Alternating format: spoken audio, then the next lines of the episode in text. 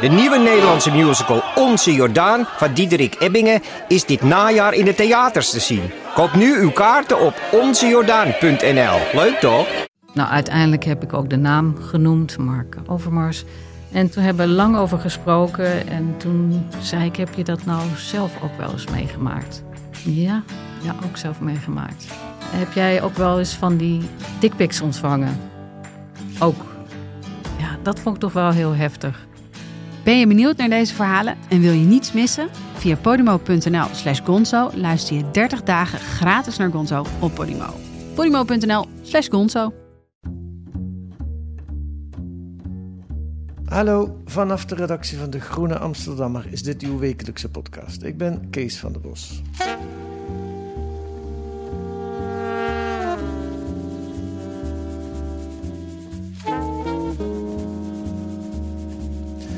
Eén keer per jaar hoeft hoofdredacteur Xandra Schutte niet van haar kamer om de podcastopname niet te verstoren. En dat is vandaag, want ze is zelf de gast. Welkom, Xandra. Dankjewel. De eerste podcast van het nieuwe jaar. En wat een beetje een traditie aan het worden is, dan beginnen we met jou. Dan praten we met de, de hoofdredacteur. Uh, dat doen we aan de hand van een aantal vragen van mij, maar ook aan de hand van lezersbrieven. Het themanummer van het oudjaarsnummer was In de Spiegel. Uh, kijken, dat ligt voor de hand. Om, ja, om, zelfbeeld. Ja, uh, nou, um, als jij als groene hoofdredacteur namens de Groene in de Spiegel kijkt, wat zie je dan? Uh, dat is een hele lastige vraag. Want uh, het is net als dat je zelf in de spiegel kijkt, mm -hmm. als mens. Uh, je ziet je veranderingen niet zo goed. Want je kijkt altijd maar weer naar hetzelfde spiegelbeeld. En ik werk natuurlijk inmiddels zo lang bij de Groene. dat het een heel vol beeld is. Het is natuurlijk spiegelbeeld van. Um, ja, wat de identiteit van de Groene is. Een, een, een diepgravend, intellectueel uh, blad dat uh, uh, licht probeert te bieden op de grote debatten in Nederland en, en de wereld. de nuance zoekt, maar ook soms heel graag uitgesproken is. Nou ja, dat, dat, dat, dat is zeg maar de constante in het beeld. Mm -hmm. En um, nou ja, zoals je als mens in de spiegel kijkt en uh, dan dat ene puistje ziet, of, of die paar rare haren die niet uh, uh, goed vallen. Zo kijk ik natuurlijk ja. ook. En als het ene puistje weg is, dan is er weer een volgend puistje. He, dus ik vergelijk het maken van een, van, een, van een blad ook wel met trekken aan een marionette. Of je hebt van die poppetjes waar je aan moet trekken van hout. Mm -hmm. Met twee touwtjes die dan naar boven klimmen. En als je dan ja. aan het ene touwtje trekt, dan gaat de ene kant omhoog. He, bijvoorbeeld dat wij denken, nu moeten we meer energie in de essayistiek in de groene steken. En dan, uh, nou, vaak initieer ik het en dan, dan, dan hebben we het daar met de hele redactie over. En dan denk je van, nou, dat loopt echt weer heel goed. Maar dan moet er heel hard aan het andere touwtje getrokken worden, want dan moeten we weer meer aandacht aan de reportages besteden. Ja. Zeg maar wat. Ja, He, dus ja. dus um, um, het spiegelbeeld is nooit af. Het is permanent werk en uitvoering, het, een, een, blad maken. Dat lijkt me ook, ja. En je doet het nu al 15 jaar als hoofdredacteur? Nou, bijna. Bijna. Over een half jaar. En daarvoor heb je het acht jaar, geloof ik, als redacteur gedaan? Ja, en te, tussendoor ben ik tien jaar weg geweest. Ja, ja, maar je bent dus een beetje getrouwd met de Groene, dus zou je kunnen zeggen. Ja, ja, ja. ja. Um, nou ja, wat je net zegt, dat klopt. Als je in de spiegel kijkt, dan, dan zie je altijd dat ene puistje of die haren ja. die verkeerd zitten. Welk puistje zag je, zie je nu als je nu in de spiegel kijkt voor de Groene? Um, nou, uh, uh, een heleboel eigenlijk. Hè. Ik bedoel, het gaat aan de ene kant, ben ik heel tevreden over hoe het gaat met de groene. Hè, dat weerspiegelt zich ook in de lezerscijfers. We blijven groeien, we blijven meer eh, lezers eh, eh, eh, trekken. Hè? Dus, Ja. dus, dus in die zin is het overall beeld wel goed. Met iets Maar die- verschuiving naar digitaal, heb ik begrepen. hè? Dus dat de, de papieren abonnees iets naar beneden zijn gegaan... en dat dat goed gemaakt wordt door een stijging van Ja, digitale abonnees. Ja. ja. Ja, nou ja, dat, dat past natuurlijk ook in deze tijd. En dan is het bij ook. ons nog heel bijzonder dat eh, heel veel lezers toch naar het eh, blad trekken. Omdat Ja. een weekblad is natuurlijk toch net iets anders dan een krant. Dat willen Ja. mensen bewaren. Het is, Ja. eh, het is prettig eh, lezen. Ja. Nee, wat, wat, wat, wat altijd een punt is bij een weekblad met een kleine redactie. Hè, wij hebben een redactie van zo'n 14 eh, schrijvend eh, redacteuren. Nou ja, dat is net zoiets als de Haagse redactie van een grote krant. Hè, maar wij moeten daar helemaal alles mee dekken. Nou, dat is een onmogelijke taak. Maar soms vind, soms vind ik het echt knellen en denk ik van ja, we hebben het afgelopen jaar toch eigenlijk te weinig aan de ontwikkelingen in de rechtsstaat gedaan. eh, eh, om een voorbeeld eh, te noemen. Ja. Nu is ehm, Casper Thomas eh, terug uit Amerika in Nederland. Dus we hebben daar geen correspondent meer. Hoe gaan we, hoe gaan we dat eh, Ja. oplossen? Ja. Dus een puistje, dat kunnen echt thema's zijn die we eigenlijk beter zouden willen dekken eh, dan, we, dan we nu doen. Terwijl ik ook altijd de redactie voorhoud, juist omdat we zo klein zijn en ook in vergelijking tot ehm, eh, kranten een beperkte omvang hebben, kan niemand van ons volledigheid eh, verwachten. Dus het gaat erom dat wat we doen heel, eh, heel goed is. Ja. En nou ja, dus niet zoveel mogelijk doen. Maar dat is een puistje. En ehm, eh, wat ook een puistje is, is. er is een vorm van journalistiek waar ik heel erg van houd en me door laat inspireren. En dat is ehm, het echte Anglo-Saxische feature eh, eh, eh, schrijven. Je ziet het in de New Yorker, in de Atlantic Monthly, de New Republic. En dat zijn de verhalen waarin. De schrijver vanuit een hypothese eh, schrijft en op zoek gaat. Het is geen, niet per se harde onderzoeksjournalistiek. Eh, eh, het is meer tentatief. Het gaat over maatschappelijke ontwikkelingen. En daarbij lees je relevante boeken. eh, zoekt de bijbehorende cijfers als die er zijn. eh, eh, praat met mensen en gaat kijken. Dus een mengeling van reportage, rondgang en, en, en essayistische inslag. Oké. Ehm, Geef eens een voorbeeld. Nou, een heel mooi voorbeeld was het, het- en dat is het soort verhaal wat ik dus echt graag vaker zou, zou zien in de groen. Het verhaal van Casper over de, over de vleesloze samenleving. Dat is een tendens die nu aan de gang is. Iedereen eh, eh, ziet het om zich heen. Het is niet simpel, want ja, mensen eten meer vleesvervangers, maar vlees eh, vliegt ook nog de schappen uit. En dat is echt zo'n trend die, ehm, waar je niet een kort trendstukje over wil schrijven, maar, maar die het verdient om dieper geduid te worden. Het is, een beetje, het is niet de harde onderzoeksjournalistiek. Nee. Het zit een beetje Nee. tussen essay en onderzoeksjournalistiek in, zou ja, ik zeggen. ja, en omdat het eh, eh, eh, over trends gaat zijn, er zijn de cijfers, er zijn wel harde cijfers, maar Mhm. die vertellen helemaal niet het hele verhaal. En waarom vind je dat soort stukken zo mooi? Ehm, om, ehm, ik bedoel, het zit ook wel in de essayistiek die we plaatsen, maar dat is dan vaak een verhaal van één eh, individu die nadenkt eh, eh, over ontwikkelingen in de wereld, in de samenleving. Dit, dit is breder. Ik vind het zo mooi omdat het stukken zijn die proberen de tijdgeest te vangen, maar dan wel echt op een, op een, op een diepgravende manier. Oké. En het zijn ook hele fijne leesverhalen. Ja. Dus, dus daar, daar is die Anglo-Saxische journalistiek ontzettend goed in. Ja, ja. Ik vroeg naar het puistje, maar eh, waarop, misschien heb je het al genoemd, want je hebt al één stuk genoemd, maar het is ook wel mooi. Waar kijk je met enorme tevredenheid naar van het afgelopen jaar? Nou, waar ik met hele grote tevredenheid naar kijk, is naar de ontwikkeling van de redactie. Ik vind het echt een wonder dat eh, De Groene, nou ja, sinds, sinds eh, 1877 zo ongeveer, eh, een magneet is voor eh, jonge, getalenteerde eh, schrijvers en, eh, en denkers. Ja. En ehm, nou ja, dat, dat, dat hebben we nu ook. Hè. Dus eh, afgelopen jaar hebben we eh, Eva Hofman, die hier als uh, fellow begonnen is, uh, als redacteur aangenomen. En zij, Eva schrijft over, over technologie in de breedste zin van het woord. En dat is dan iemand die zich zo geweldig ontwikkelt en heel slim is. Or Goldenberg, die bij ons gekomen is. En, en nou ja, in ieder geval nog twee jaar gaat blijven. En onderzoeksjournalistiek gaat, gaat, gaat doen. Ja. Dus ja, het blad is natuurlijk ook zo, zo goed als uh, de redactie en, uh, en de medewerkers. Ja. Het geldt, geldt, geldt ook voor medewerkers. Maar dat uh, nog steeds de plek zijn waar nou ja, bijzonder talent naartoe gaat. Dat, ja.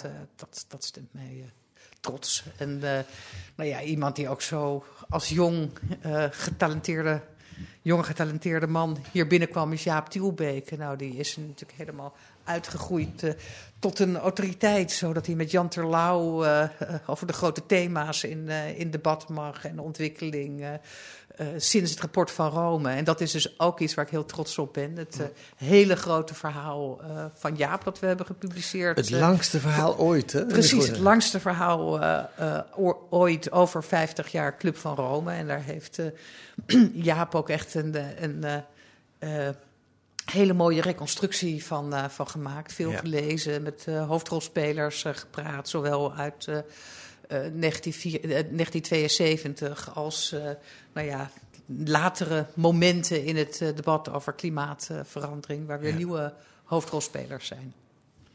Ja, ja, ja dus een, begrijpelijk. En jullie doen ook zelf aan dat opkweken van het nieuwe talent met de, de, de masterclass. Nou ja, eigenlijk hebben we daar twee uh, manieren voor. De masterclass onderzoeksjournalistiek, uh, die we samen met, uh, met Investico doen. Hm. En dat is nu echt samen omdat onze redacteur Koen van de Ven de masterclass samen met Thomas Muns van Investico begeleidt. Maar die onderzoekers, als ze echt goede onderzoekers zijn, dan, die stromen door naar, naar Investico. Wij hebben ja, sinds een jaar of zes, denk ik, zeven, het Martin van Amerongen Fellowship. Uh, dat was eigenlijk heel grappig. We kregen een uh, legaat. Heel soms krijgen we dat. En daar zijn we natuurlijk heel uh, blij mee. Van een trouwe groene lezer die ons in zijn testament had op, opgenomen. En Pieter Elshout, de directeur-uitgever, en ik liepen al tijdje met het idee rond om, om ja, een soort beurzen te verstrekken.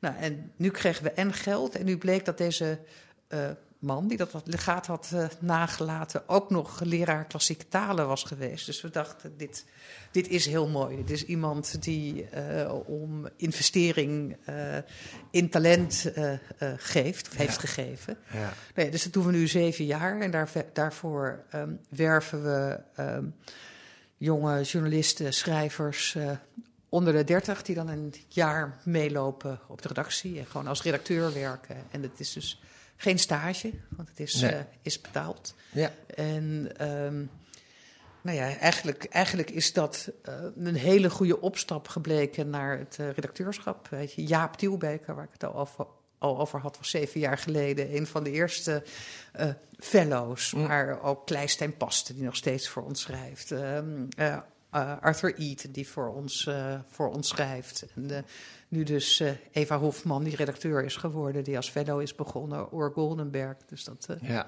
ja, ja. Um, Racit Elibol is ook nog uh, de redacteur, die is ook als fellow begonnen. Misschien moeten we ook nog even memoreren. Um, uh, jouw voorganger, de hoofd Martin van Amerongen, ja. de, de, de, waar het fellowship naar genoemd is, dat is degene van wie jij het stokje hebt overgenomen, of niet? Nee, nee, nee daar heeft uh, wel uh, oh, nee. echt wat tijd tussen gezeten. Maar hij was wel een legendarische voorganger. Hij was een legendarische voorganger. Hij ja. was gerenommeerd journalist bij Vrij Nederland, was daar net weg. En ja, De Groene was toen zieltogend. Um, dan heb ik het over nou, halverwege de jaren tachtig. Um, het was niet voor het eerst in de geschiedenis dat de Groene zieltogend was. En uh, de Groene had een hele tijd geen hoofdredacteur uh, gehad. Want uh, zeker in de radicale jaren zeventig stond alles in het teken van het arbeiders zelfbestuur. Dus ja, dat, heeft natuurlijk ook voor frustratie gezorgd. Want er waren natuurlijk wel degelijk een paar redacteuren die al het werk deden. Maar ja. in ieder geval werd uh, ja, ik denk dat het 83 was of zo, uh, bedacht er moet weer een hoofdredacteur komen om het blad een nieuwe koers te geven. En uh, Martin van Amerongen heeft het blad weggekoerst van nou ja, heel erg de actiekant. In de jaren 70 was, was de Groene heel links. Ik zeg altijd als mensen de Groene met heel erg links associëren dat is een aberratie in de geschiedenis, want het is echt een, een, progressief-liberaal uh, blad. Dat, dat, dat, is de lange uh, geschiedenis. Maar in de jaren zeventig ja, was, was de Groene ook een beetje samengeklonterd met het, met, met, met het actiewezen. En dat ging in het begin heel goed, want uh, Nederland, dat weet jij heel goed, was in de jaren zeventig zeer activistisch. Maar toen dat begon af te kalven, toen, toen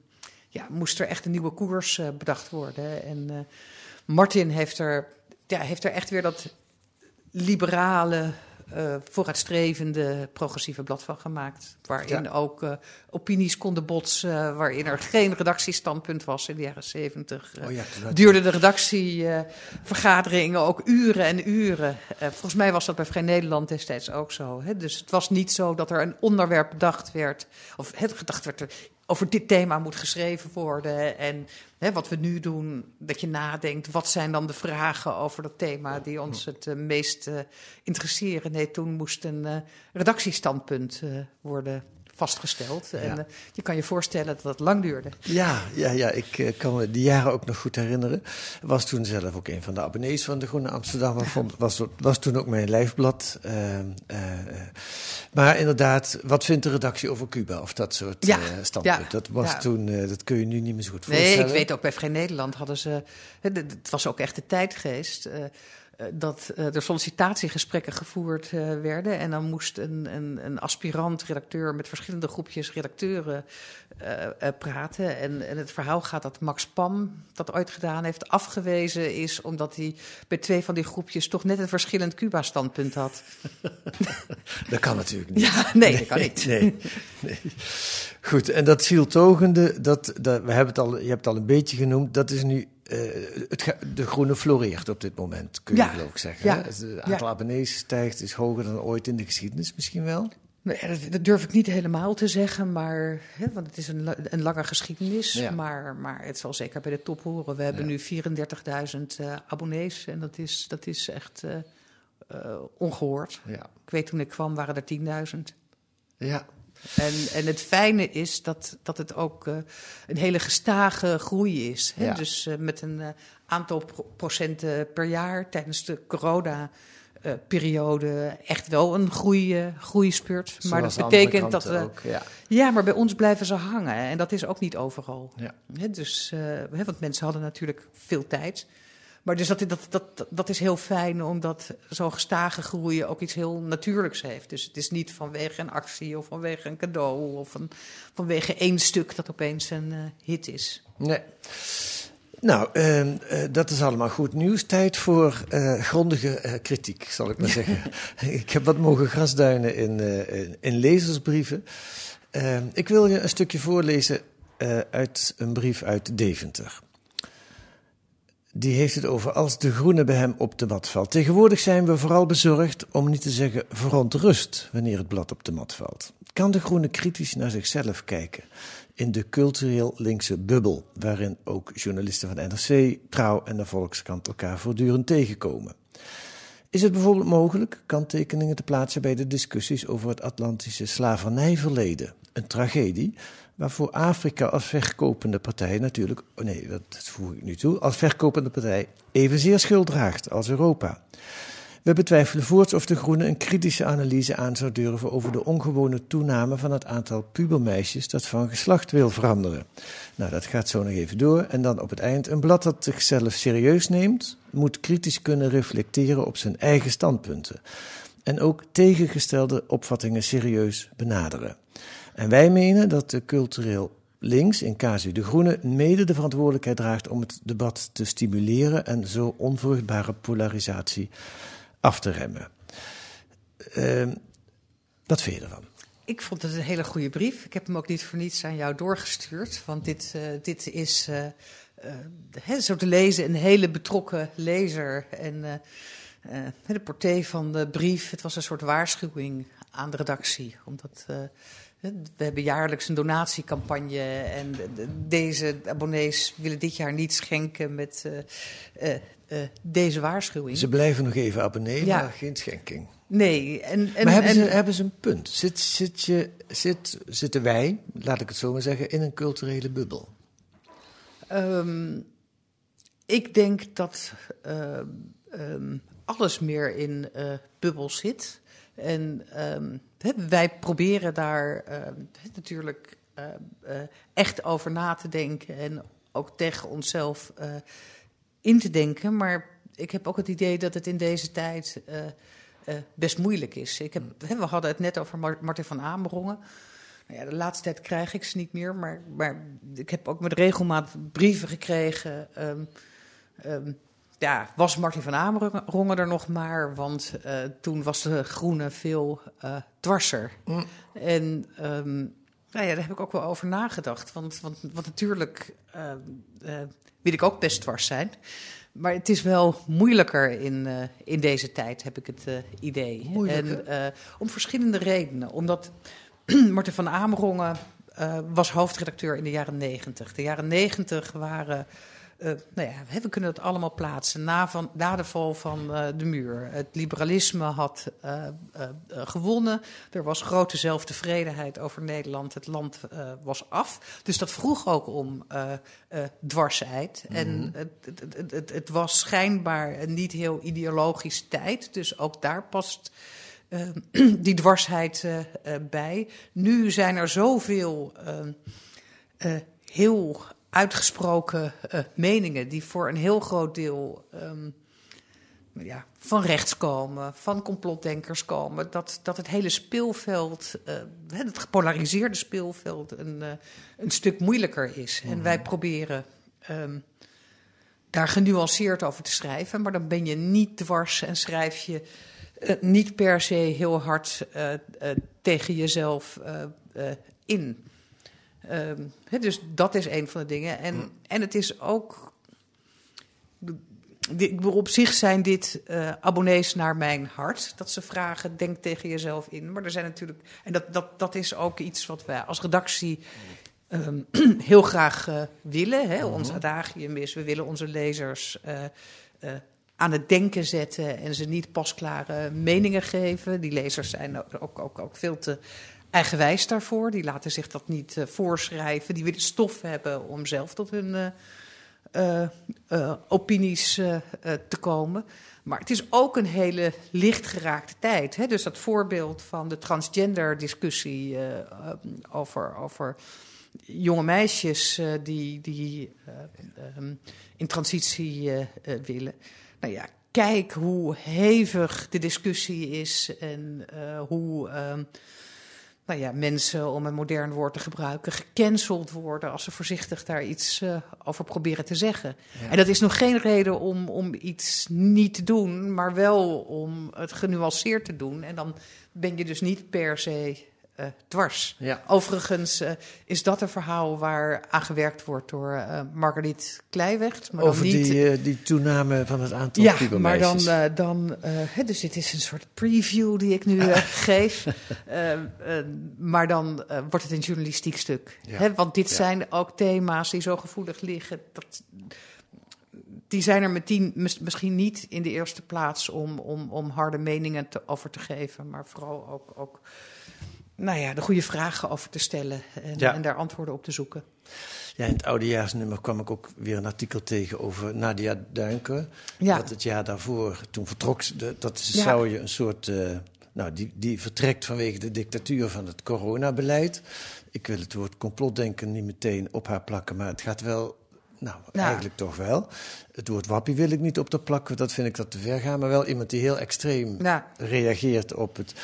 Um, ik neem aan, dat lijken me ook bewuste keuzes om dan haar weer een keer een aantal pagina's in de groene te geven. Ja, te kijken, dat is ook een bewuste keuze, omdat, omdat daarmee, eh, zeker bij dat eerste stuk hè, wat we in het uh, kerstnummer van 2021 plaatsten, waren er ook de nodige lezers uh, boos. Hè? Dus dat ja. is ook het klimaat. Hè? Ja. Die lezer is, denk ik, ook minder liberaal dan in de jaren negentig. We hebben heel erg gehoord, jullie zijn volgzaam uh, als het om corona gaat en schrijven de regering naar de mond. En als je dan een tegenstander als die Nadia Duinker portretteert, dan, dan, dan uh, geef je uh, complotdenkers de ruimte. Dus, dus, dus in die zin merk je ook aan de reacties dat het meer spitsgoeden lopen is.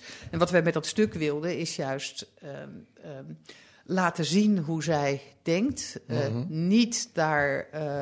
Um, um, dat wilde de journalist, journalist Olivier van Beemen ook niet. Niet daarin uh, heel duidelijke disclaimers van nee. wij zijn het niet met haar eens. Nee. He, precies het idee, wij hebben een intelligente lezer, we laten het zien en ja. die kan zelf oordelen. Ja.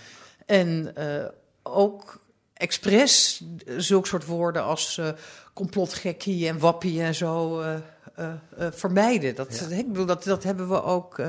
dat is een van die dingen waar ik echt voor stond. Dat vind ik veel te gemakzuchtig. Ja. He, dus. dus um, ik zal niet zeggen dat we helemaal niet in een bubbel zitten, maar we zijn ons er wel bewust van en, en, en, en proberen um, daar ook niet gemakzuchtig in te zijn. Want hoeveel, nou ja, kijk naar de columns in sommige kranten, hè, daar, daar ging het voortdurend over uh, wappies en uh, gekkies. Daar hebben wij niet aan meegedaan. Ook in, in andere stukken juist heel bewust, uh, ja, met respect daarover schrijven. En, en de aandrang om, om, om te willen begrijpen. Ik denk dat dat ook wel een verschuiving in de groene is. Dat in de tijd van Martin van Amerongen was het veel meer ehm, een opinierend blad in de zin dat het vooral vol stond met beschouwingen en op opiniestukken. Uh, nu uh, zijn wij veel meer opinievormend en, en, en willen we stof geven om goed te kunnen debatteren. En we zijn veel journalistieker geworden met ja. veel onderzoeksjournalistiek, maar, maar ook uh, ik denk dat onze taak ook, ook eerder is om de goede vragen te stellen en, en daar gefundeerde antwoorden op te zoeken dan makkelijk meningen te geven. Ja, dat hebben we in een eerlijk gesprek met jou vorig jaar, en het jaar daarvoor zat dat ook al in. Dat is ook jouw hand voor een deel, hè? dat jij de, het journalistiekere en het onderzoeksjournalistiekere met name. Ja, ja maar echt journalistiek in de, in de breedste zin van het woord. Hè? We ja. hebben natuurlijk ook, als je het over bubbels, polarisatie en kloven hebt. We hebben ook allerlei interviews gehad met, of interviewseries met mensen die in hun persoonlijk leven of in hun denken uh, kloven willen over, overbruggen. Mm. Hè, dus daar zijn we wel echt heel erg naar uh, op zoek. En bij die polarisatie hoort, hoort ook dat je niet gemakzuchtig vanuit je eigen wijs schrijft en ook niet de mensen aan de andere kant de ander makkelijk wegzet. En uh, ja, dat klinkt al wat saaier en genuanceerder dan, dan heel erg, uh, uh, nou ja, fijnscherpe, grappige opinies formuleren. Ja. Maar ik denk dat, dat, dat we dat echt wel goed proberen. En ik vind het ook heel terecht als wij door lezers daarop gewezen werden. We hadden een keer een stuk ja, over, over de woningmarkt in Amsterdam, waarin het over vastgoedcowboys gaat. Nou ja, als ik dan iemand spreek die zegt, ja, als het over vastgoedcowboys gaat, uh, hè, dat is zo'n cliché, ik neem het hele stuk niet meer serieus. Dan denk ik, iemand heeft een punt, waarom moet je zo een ja. Ja. Weg, weg, wegzettend woord gebruiken? Dat heb je ook helemaal niet nodig voor een sterk betoog. Nee, het is geen beschrijving ook. Het is een, nee, nee, het is een oordeel. Nee, het is een oordeel. Uh, laten we nog naar een andere bubbel kijken, waar we eigenlijk met z'n allen bijna in zitten. En, en, dat is misschien ook wel de belangrijkste gebeurtenis van het afgelopen jaar: de inval van Rusland in Oekraïne. Uh, ik heb hier een st stukje van een lezer die schrijft over de oorlogszucht van de Groenen, zoals hij dat noemt.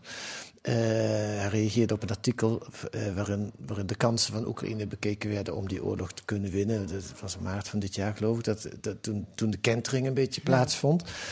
Dat werd deze lezer te veel. Hij schrijft: Jullie schrijven zonder enige kritiek over de NATO en de Europese Unie en ook geen enkele kritiek op Oekraïne.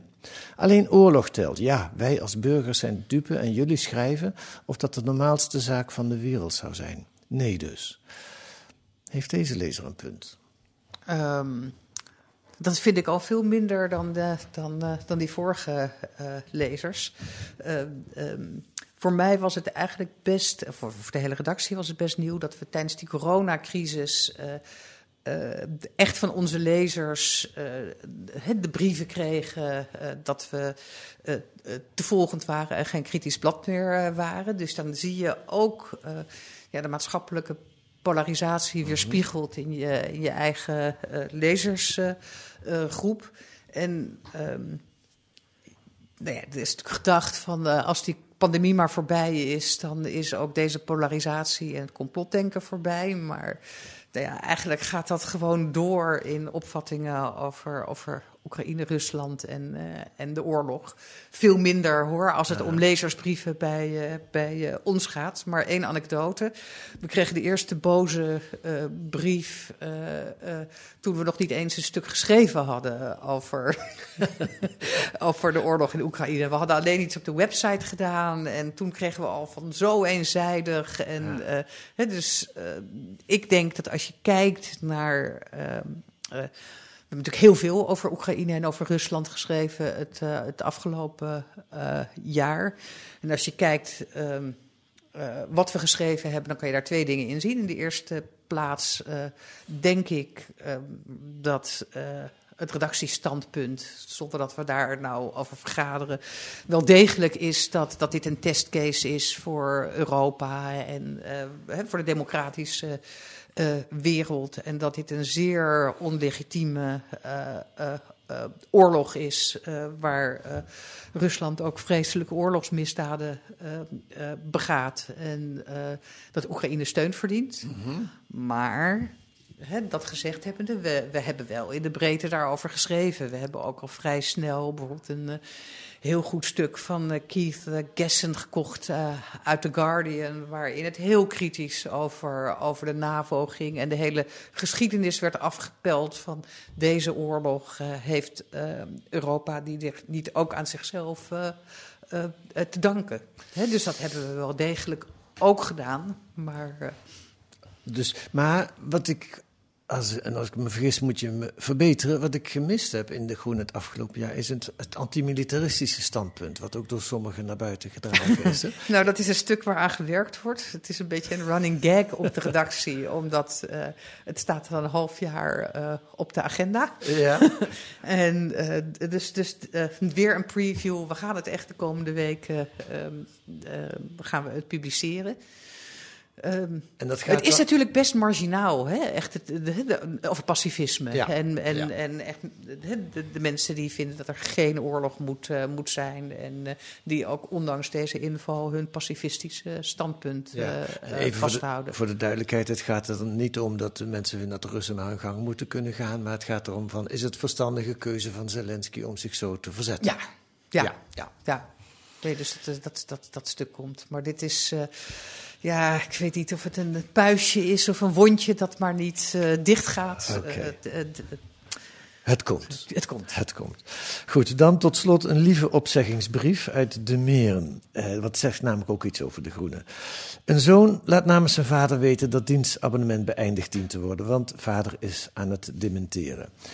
En hij spreekt niet over een abonnement, maar hij spreekt over een lidmaatschap.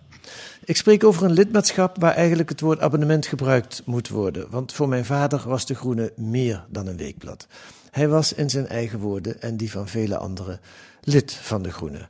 Um, dat, zijn, uh, uh, ja, dat is ook een, een, een groep abonnees hè, van de groep. Ja, dit is, dit, is, dit is ook een hele mooie brief, omdat hij ook beschrijft hoe hij zelf, hè, de zoon, inmiddels ook de groene lezer, en heel lang de gewoonte had om met zijn uh, vader over de groene te, te debatteren. He, dus uh, samen stukken lezen en uh, ja, dus ideale lezers. Ja, ja, ja. ja. En het is, het, is, het, is, het, is, het is wat we vaker horen. Hè. Er zijn echt mensen 60 jaar uh, lid en um, dat is ook wel uh, uh, heel, uh, heel mooi dat mensen in hun studietijd de Groene beginnen te lezen. Ik heb het soms ook dat ik een, ja, een hoogleraar een stuk vraag. Die zegt, natuurlijk kan ik dat niet weigeren, want de Groene is zo belangrijk geweest voor mijn, voor mijn vorming ja. ooit. Ja. En um, nou, we hebben ook opmerkelijk veel jonge lezers. Hè? Dus ik geloof dat de groep lezers onder de 30 net zo, of onder de 35 net zo groot is als de groep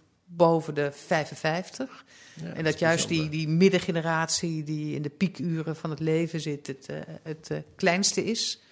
Ehm, eh, en dat terwijl we niet, we maken niet een blad voor jongeren, maar ja, dat geestelijke, het geestelijke, het geestelijke voedsel dat we geven, dat, uh, ja, dat is voor alle leeftijden. Ja, maar de, de Groene is voor een aantal ook oudere lezers ook een soort lijfblad. Ja. Dat spreekt hieruit. Ja. Uit deze, eh, in theorie zou een lezer 145 jaar geabonneerd kunnen zijn op de Groene, want dat is de, de leeftijd van het blad, maar die, die zal niet... Nou, we zijn wel in de oorlog niet verschenen, hè? Dus okay.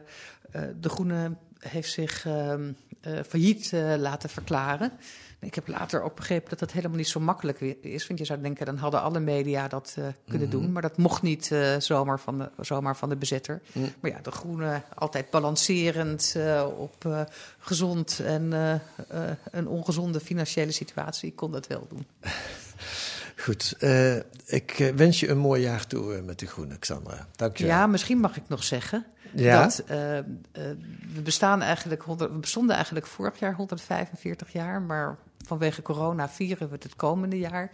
Dus dit wordt ook wel een bijzonder jaar met een groot lustrumfeest en een lustrumnummer. En we gaan, gaan, een aantal nummers met gasthoofdredacteuren maken. Dus nou, het wordt uh, hard werken, maar ik denk ook uh, voor ons uh, als redactie allemaal heel leuk om te doen. Bijzonder, ja. En in april is dat grote Ja, 28 april ja. in ja. Amsterdamse ja. stad Schouwburg. Oh ja, wat ik nog helemaal vergeten ben, wat volgens mij ook nieuw was voor De Groene dit jaar, was dat nummer november met de tien positieve ontwikkelingen uit 2022. Ja. gaan we dat volgend jaar ook weer doen?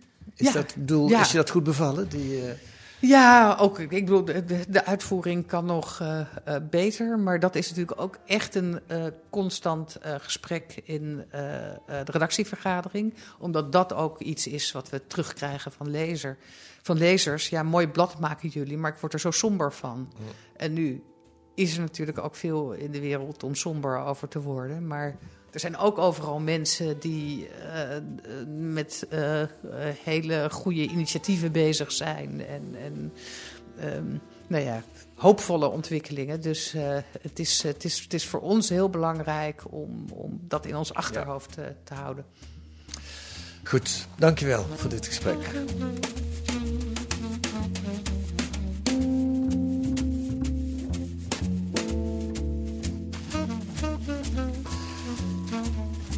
Wat staat er deze week in de groene? Want dit staat niet in de groene, dit is een extraatje voor de podcastluisteraars. Wat er wel in staat is een uh, dichters- en denkers special over de Schotse schrijfster Elie Smith. Met een prachtig interview van Joost de Vries en diepe analyses over haar oeuvre door bekende Nederlandse schrijvers. En ook een kritisch artikel over voetbal als afsluiter van het WK waarin Pepijn Keppel na alle discussies over voetbalethiek de inclusiviteit van voetbal in Nederland eens goed onder de loep neemt. Nou, dat kunt u lezen met een abonnement of een proefabonnement. Hoe dat in zijn werk gaat, kunt u vinden op de site, website groene.nl.